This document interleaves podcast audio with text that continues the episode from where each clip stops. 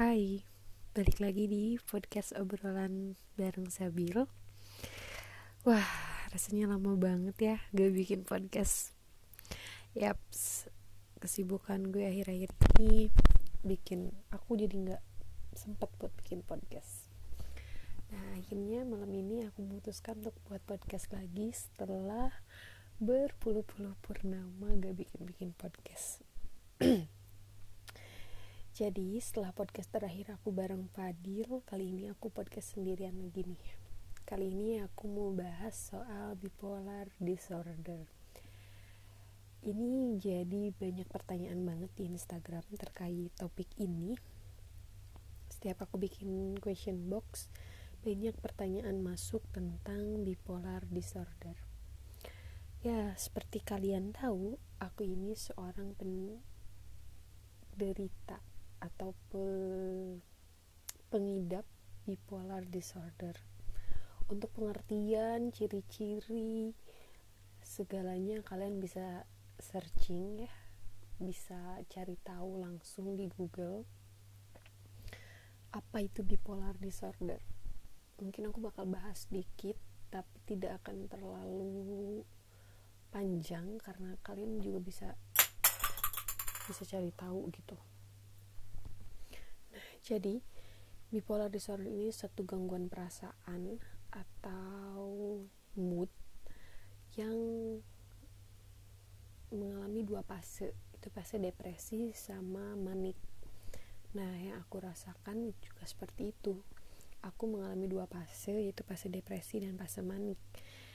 Fase depresi itu di mana aku ngerasa useless, ngerasa gak berdaya sama sekali ngerasa terbuang sendirian stres banget. Sampai aku beberapa kali melakukan percobaan mengakhiri hidup.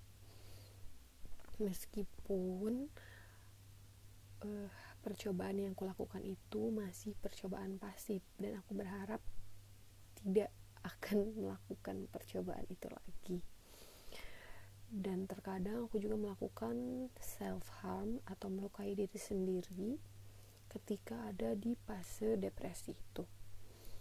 Tapi kebalikannya ketika aku mengalami fase manik aku bisa yang senengnya tuh seneng banget sampai membuncah-buncah sampai aku pun kadang tidak mengenali diri aku sendiri ketika ada di fase itu. Kadang ketika lagi fase manik aku bisa super produktif sampai-sampai aku nggak bisa buat istirahat.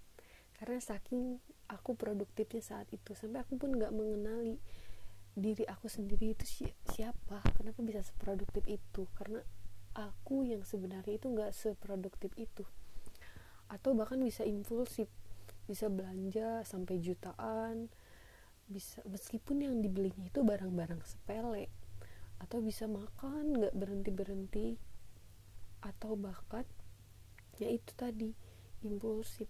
Kayak gitu gampang marah e, terus kalau ngomong maunya ngomong terus nyerocos terus gak berhenti berhenti nah itu ketika aku di fase manik. Nah itu ciri-ciri yang aku alami. Tapi sebelumnya aku mau disclaimer dulu. E, kalian gak bisa menjadikan e, podcastku kali ini sebagai tolak ukur kalian mengalami bipolar disorder atau tidak. Karena yang bisa memberikan vonis kalian mengalami bipolar atau tidak itu hanya profesional yaitu psikiater. Kalau kalian memponis diri kalian sendiri kalian mengalami bipolar disorder hanya karena mendengarkan podcast aku atau karena kalian melihat postingan aku di Instagram di konten aku di bipolar story atau bahkan konten-konten orang lain itu kalian udah melakukan self diagnosis dan itu benar-benar berbahaya. Self diagnosis itu sebe apa ya bahaya banget. Jadi kalau kalian mau tahu kalau kalian e, ngerasa kalian mengalami apa ya ciri-ciri yang tadi aku sebutkan atau yang aku posting atau yang aku buat konten di Instagram silahkan kalian langsung datang ke profesional untuk memastikan bahwa kalian itu mengalami bipolar disorder atau tidak. Seperti itu karena banyak gangguan kejiwaan uh, yang juga memiliki ciri-ciri yang hampir mirip dengan ciri-ciri bipolar disorder. Nah jadi kalian lebih baik untuk lebih pastinya jangan menjadikan tolak bi apa ya jangan jadikan podcastku atau postinganku podcast orang lain atau postingan orang lain itu sebagai tolak ukur bahwa kalian mengidap bipolar atau enggak. Nah jadi untuk lebih pastinya kalian bisa langsung cek ke profesional ya. Nah balik lagi ke ceritaku sebagai seorang bipolar disorder. Nah setelah mengalami fase-fase itu aku pun ngalamin fase itu nggak sebentar nggak sehari sehari depresi sehari manik nggak. Kadang bisa satu bulan manik satu bulan depresi kadang bisa dua minggu dua minggu manik satu minggunya normal dua minggunya lagi depresi. Kadang bisa durasi waktunya itu lama nggak nggak sehari dua hari atau kadang sehari dalam kalau misalnya kalian cuma ngerasa bukan cuman ya maksudnya kalau kalian ngerasa wah pagi-pagi sedih terus malamnya seneng ya itu pergantian perasaan perubahan mood. Bukan berarti kalian mengalami bipolar. Karena kalau bipolar itu ya tadi yang aku bilang itu eh, fasenya itu lama. Nggak cuman sebentar nggak cuman eh, dalam hitungan waktu hari atau jam tapi bisa berminggu atau berbulan. Karena aku pun mengalami fase-fase ini tuh hampir nyaris satu tahun. E, dari awal 2020 dari Juni Juli apa Agustus ya pokoknya sekitar bulan tiga bulan itu 2020 sampai aku mendapatkan diagnosa pasti dan difonis pasti itu di 2021 oleh psikiater. Nah seperti itu. Nah ada beberapa pertanyaan masuk ke Instagram aku terkait bipolar disorder. Dan ya aku akan jawab di podcast kali ini. Yang pertama ada yang menanyakan apa sih penyebab pastinya bipolar disorder itu? Yang jelas sampai saat ini sampai detik ini podcast ini nanti kalian dengar belum ada penyebab pasti dari bipolar disorder. Cuman eh, rata-rata e, bipolar disorder itu diakibatkan oleh kerusakan sel di otak yang tidak bisa memproses zat kimia untuk penstabilan mood. Nah makanya bipolar disorder itu dikasih obat penstabil mood atau perasaan. Nah terus biasanya bipolar disorder juga itu genetik atau keturunan Nah, yang kadang memperparah bipolar disorder itu adanya trauma. Nah, itu juga bisa jadi salah satu pemicu dari bipolar disorder. Seperti itu. Nah, terus ada lagi pertanyaan yang masuk apa yang aku rasain awal mulanya yaitu yang aku rasain awal mulanya aku mengalami fase depresi dan manik. Tapi aku tidak menyadari itu fase depresi dan manik. Karena aku dulu belum tahu tapi aku mengalami fase itu selama satu tahun. Dan aku baru berani uh, konsultasi sama psikiater itu di bulan Juni 2021 padahal aku sudah mengalaminya itu dari 2020 cuman aku baru berani um, untuk ke psikiater itu di bulan Juni bulan Agustus aku ke rumah sakit umum. Bulan September Oktober November Desember sampai saat ini aku dirawat di rumah sakit jiwa sebagai pasien rawat jalan ya. Jadi aku bolak-balik ke rumah sakit jiwa setiap bulannya untuk dapat pengobatan bipolar disorder ini. Pada awalnya aku juga tidak di uh, apa namanya nggak didiagnosa bipolar nggak langsung didiagnosa bipolar.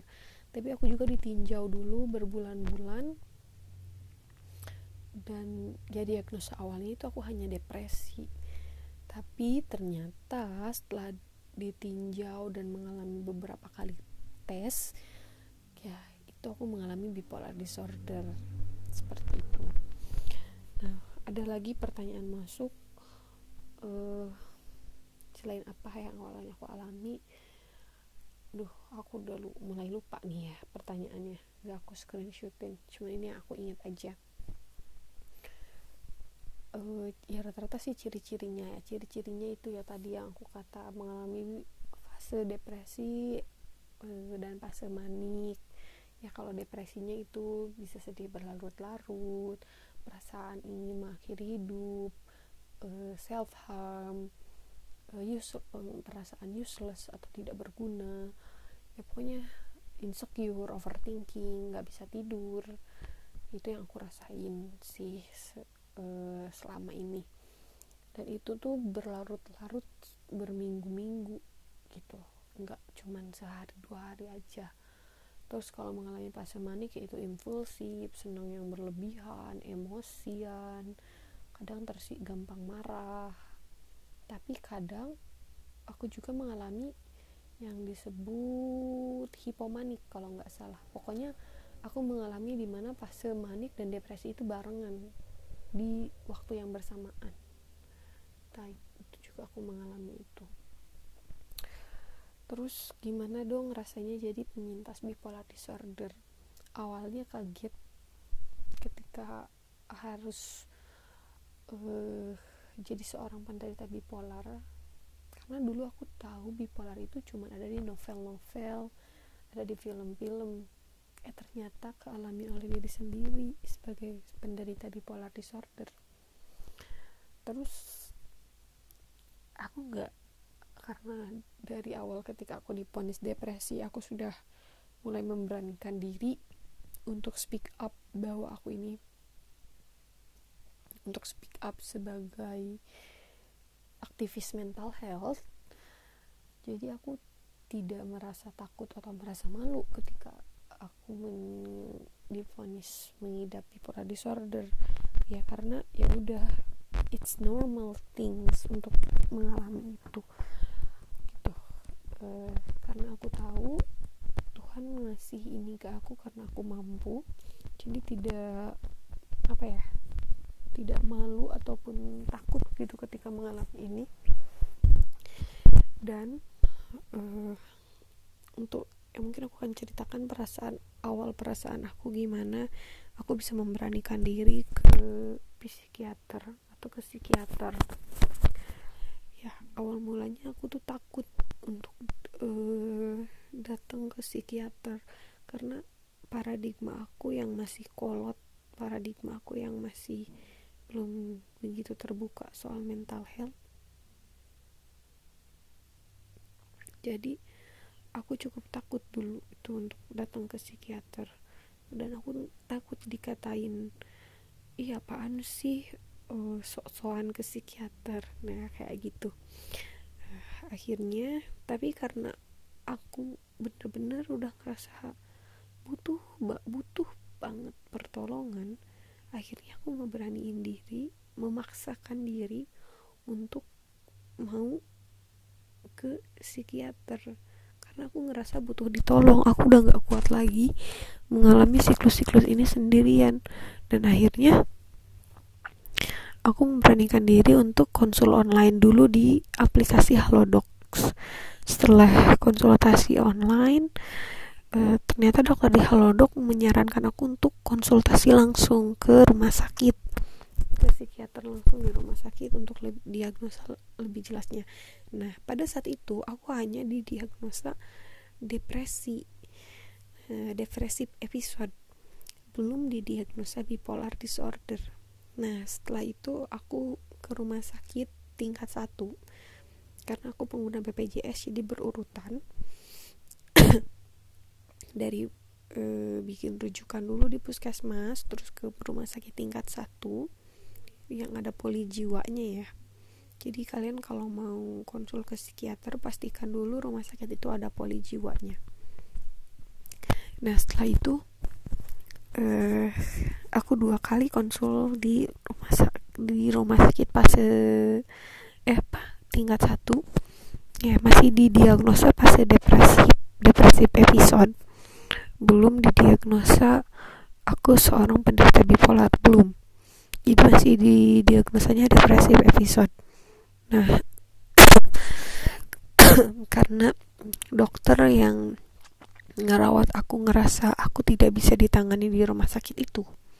Karena gejalanya masih terus berlanjut fase depresifnya masih terus berlanjut akhirnya aku dipindah ke rumah sakit jiwa nah di rumah sakit jiwa aku mengalami mengalami pengobatan dan terapi serta tes juga uh, untuk menentukan sebenarnya apa sih yang jadi gangguan di diri aku ini. Nah di situ setelah tiga kali check up pada tiga bulan, barulah aku didiagnosa aku ini seorang penderita bipolar disorder. Nah, pada awal mulanya ketika aku di, harus dipindah ke rumah sakit jiwa di situ aku sempat down banget. Karena dulu paradigma aku tuh ngerasa oh kok separah ini ya? Aku harus sampai ke rumah sakit jiwa. Gimana kalau aku dirawat di sana? Gimana kalau gimana gimana gimana gimana? Banyak banget kata gimana gimana nya aku ngerasa takut banget karena paradigma aku terhadap rumah sakit jiwa saat itu masih belum terbuka karena aku ngerasa uh, rumah sakit jiwa itu hanya untuk untuk hanya untuk mereka yang mengalami gangguan jiwa yang parah atau yang biasa kita sebut ODGJ. Padahal aku sendiri pun ODGJ, orang dalam gangguan jiwa. Karena ya jiwa aku sekarang sedang terganggu, itu gangguannya bipolar. Nah, kayak gitu. Nah, tapi ketika aku pertama kali check up ke sana emang aku agak bingung, takut karena rumah sakitnya gede. Terus banyak pasien yang unik-unik. Nah di situ aku nggak pengen nangis banget. Karena aku datang sendirian. Di sana rumah sakitnya gede. Aku nggak ngerti caranya harus kayak gimana. Akhirnya bisa lah e, kontrol pertama sampai kontrol ketiga. Aku udah karena aku udah terbiasa udah ngerti cara tata cara administrasinya seperti apa dan mulai terbiasa dengan lingkungan rumah sakit jiwa yang ternyata tidak semenyeramkan apa yang kita bayangkan. Jadi rumah sakit jiwa itu ya kayak rumah sakit pada umumnya. Dan bahkan aku mengambil satu hikmah bahwa di dalam rumah sakit jiwa itu banyak cinta kasih yang benar-benar murni. Di mana orang-orang tuh benar-benar saling mencintai gitu saling mengasihi karena orang yang sehat rela nganter orang yang sakit buat mendapatkan pertolongan, buat mendapatkan pengobatan, biar si orang tersayang dia yang lagi sakit ini tuh bisa sembuh, bisa kembali hidup normal, bisa kembali merasakan kebahagiaan tanpa ngerasa sakit lagi. Di sana aku benar-benar ngerasa, oh my god, ternyata di sini tidak seburuk yang aku pikirkan dulu atau tidak semenyeramkan kabar dari orang-orang di luar kan? Ternyata rumah sakit jiwa itu biasa aja kayak rumah sakit pada umumnya. Bahkan banyak uh, pasien yang bisa kita sebut kayak orang normal-normal aja. Bahkan aku pun kelihatannya kan kayak yang normal-normal aja kan nggak kayak orang yang punya gangguan jiwa. Kayak gitu. Dan di sana tuh banyak banget yang kayak gitu. Jadi nggak kayak semenyeramkan yang kita bayangkan selama ini. Enggak bener-bener normal. Kayak rumah sakit pada umumnya gitu. Ya cuman yang membedakan itu khusus untuk penanganan penyakit jiwa.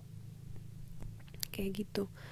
Nah terus uh, gimana perasaan aku rasanya jadi seorang penderita bipolar disorder terus mahasiswa tingkat akhir juga rasanya berat rasanya nggak gampang tapi harus tetap dijalanin.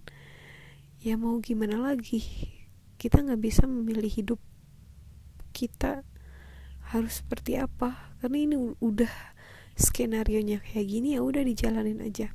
Emang berat banget di uh, mungkin bagi orang-orang yang normal uh, jadi mahasiswa akhir itu udah stres. Apalagi bagi aku yang punya gangguan kejiwaan ketika stresnya datang itu bukan stres lagi stres banget. Bangetnya tuh banget banget. Ya karena tadi aku punya gangguan yang lain. Kayak gitu. Itu sih yang tapi support dukungan dari teman keluarga dari dokter. Itu tuh bener-bener berharga banget. Itu yang menguatkan aku buat mau sembuh buat mau kembali pulih biar bisa lepas dari obat-obatan. Karena selama ini aku konsumsi obat biar mood aku stabil perasaan aku stabil dan terkendali. Ya gitu deh teman-teman.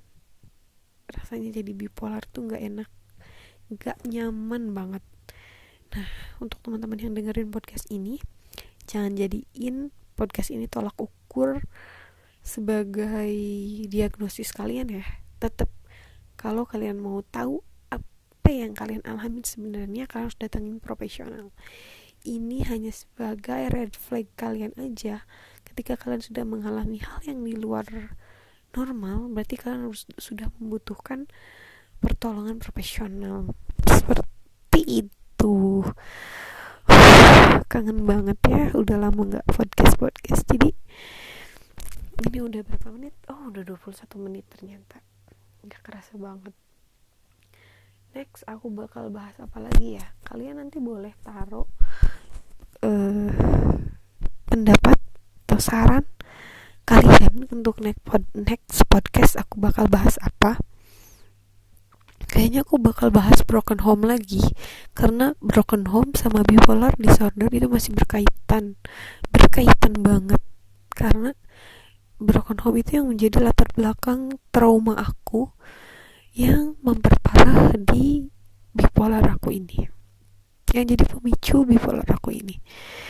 Oke segitu aja buat podcast kali ini. Jangan lupa untuk meninggalkan saran dan komentar kalian di Instagram aku.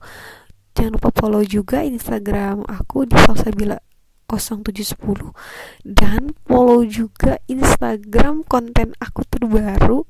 Ini aku bahas bipolar di sana. Aku pun bakal sering live dan bahas tentang mental health di sana di bipolar story underscore story jangan lupa untuk follow dua akun Instagram itu ya teman-teman terima kasih udah mendengarkan podcast kali ini. See you on next podcast. Bye bye